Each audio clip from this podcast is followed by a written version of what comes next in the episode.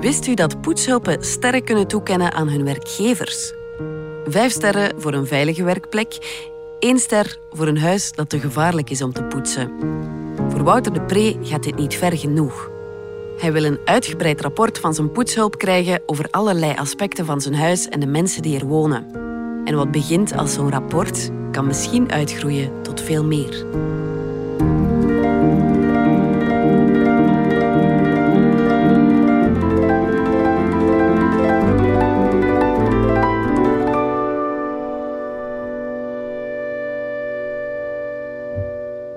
Voor een campagne van werkbaarheidsfonds dienstenchecks kennen poetshulpen sterren toe aan hun werkgevers. Vijf sterren is een hele veilige werkomgeving en één ster zal dan een ronduit gevaarlijk huis zijn om te poetsen. Ik ben een grote fan van dit geestige en licht subversieve idee en vind dat het niet bij een campagne mag blijven. Als poetshulp wordt je werk misschien wel goed gewaardeerd, maar zit je toch ook in een bescheiden positie. En als underdog word je meestal niet geacht om een oordeel mee te vellen. Terwijl, wie kent je huis en je gezin beter dan de poetshulp? Ik pleit ervoor dat poetshulpen elk aspect van de werksituatie mogen beoordelen.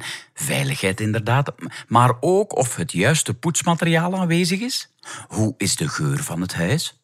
Hoe zit het met de algemene basishygiëne? Ziet hij of zij een evolutie door de tijd en is die positief of negatief? En zijn de ouders consequent in hun eigen opruimgedrag ten opzichte van wat ze eisen van de kinderen?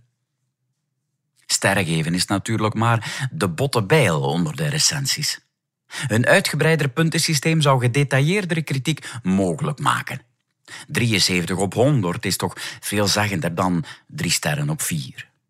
Bovendien zouden we ook moeten zien welke punten andere gastheren en vrouwen krijgen. Waar staan we ten opzichte van de mediaan en het gemiddelde? Poetshulp begint met de P van punten. Op schoolrapporten wordt vaker en vaker een lang epistel toegevoegd over evolutie van het karakter van het kind en vorderingen ten opzichte van de vorige beoordeling. Ook poetshulpen moeten de mogelijkheid krijgen uitgebreid en diep commentaar te leveren in de evaluatie van de man en vrouw des huizes. Voor welke aspecten van hygiënisch gedrag vertonen die hun aangeboren talent en op welke vlakken zouden ze nog wat meer karakter moeten kweken?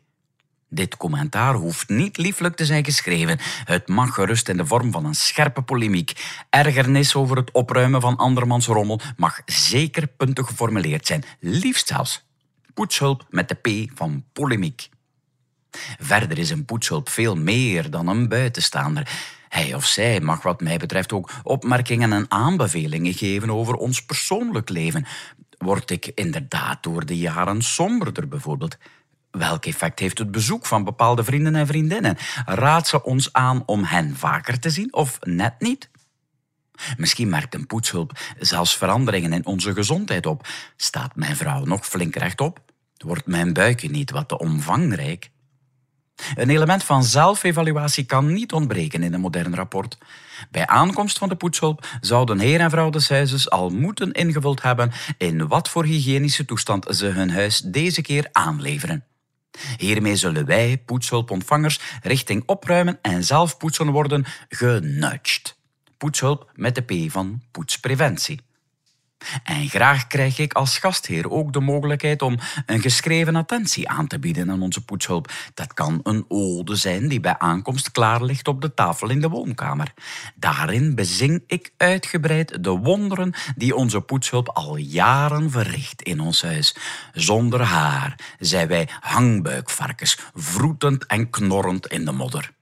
Nee, de stille gestrengheid van haar blik bij binnenkomst is het enige wat ons soms doet beseffen dat we geen Neandertalers meer zijn. Graag willen we ook briefjes kunnen sturen als ze een week niet geweest is, om te laten weten dat het toch hetzelfde niet was met haar vervangster. Het huis glimt, jawel, maar met een doffere glans dan de hare.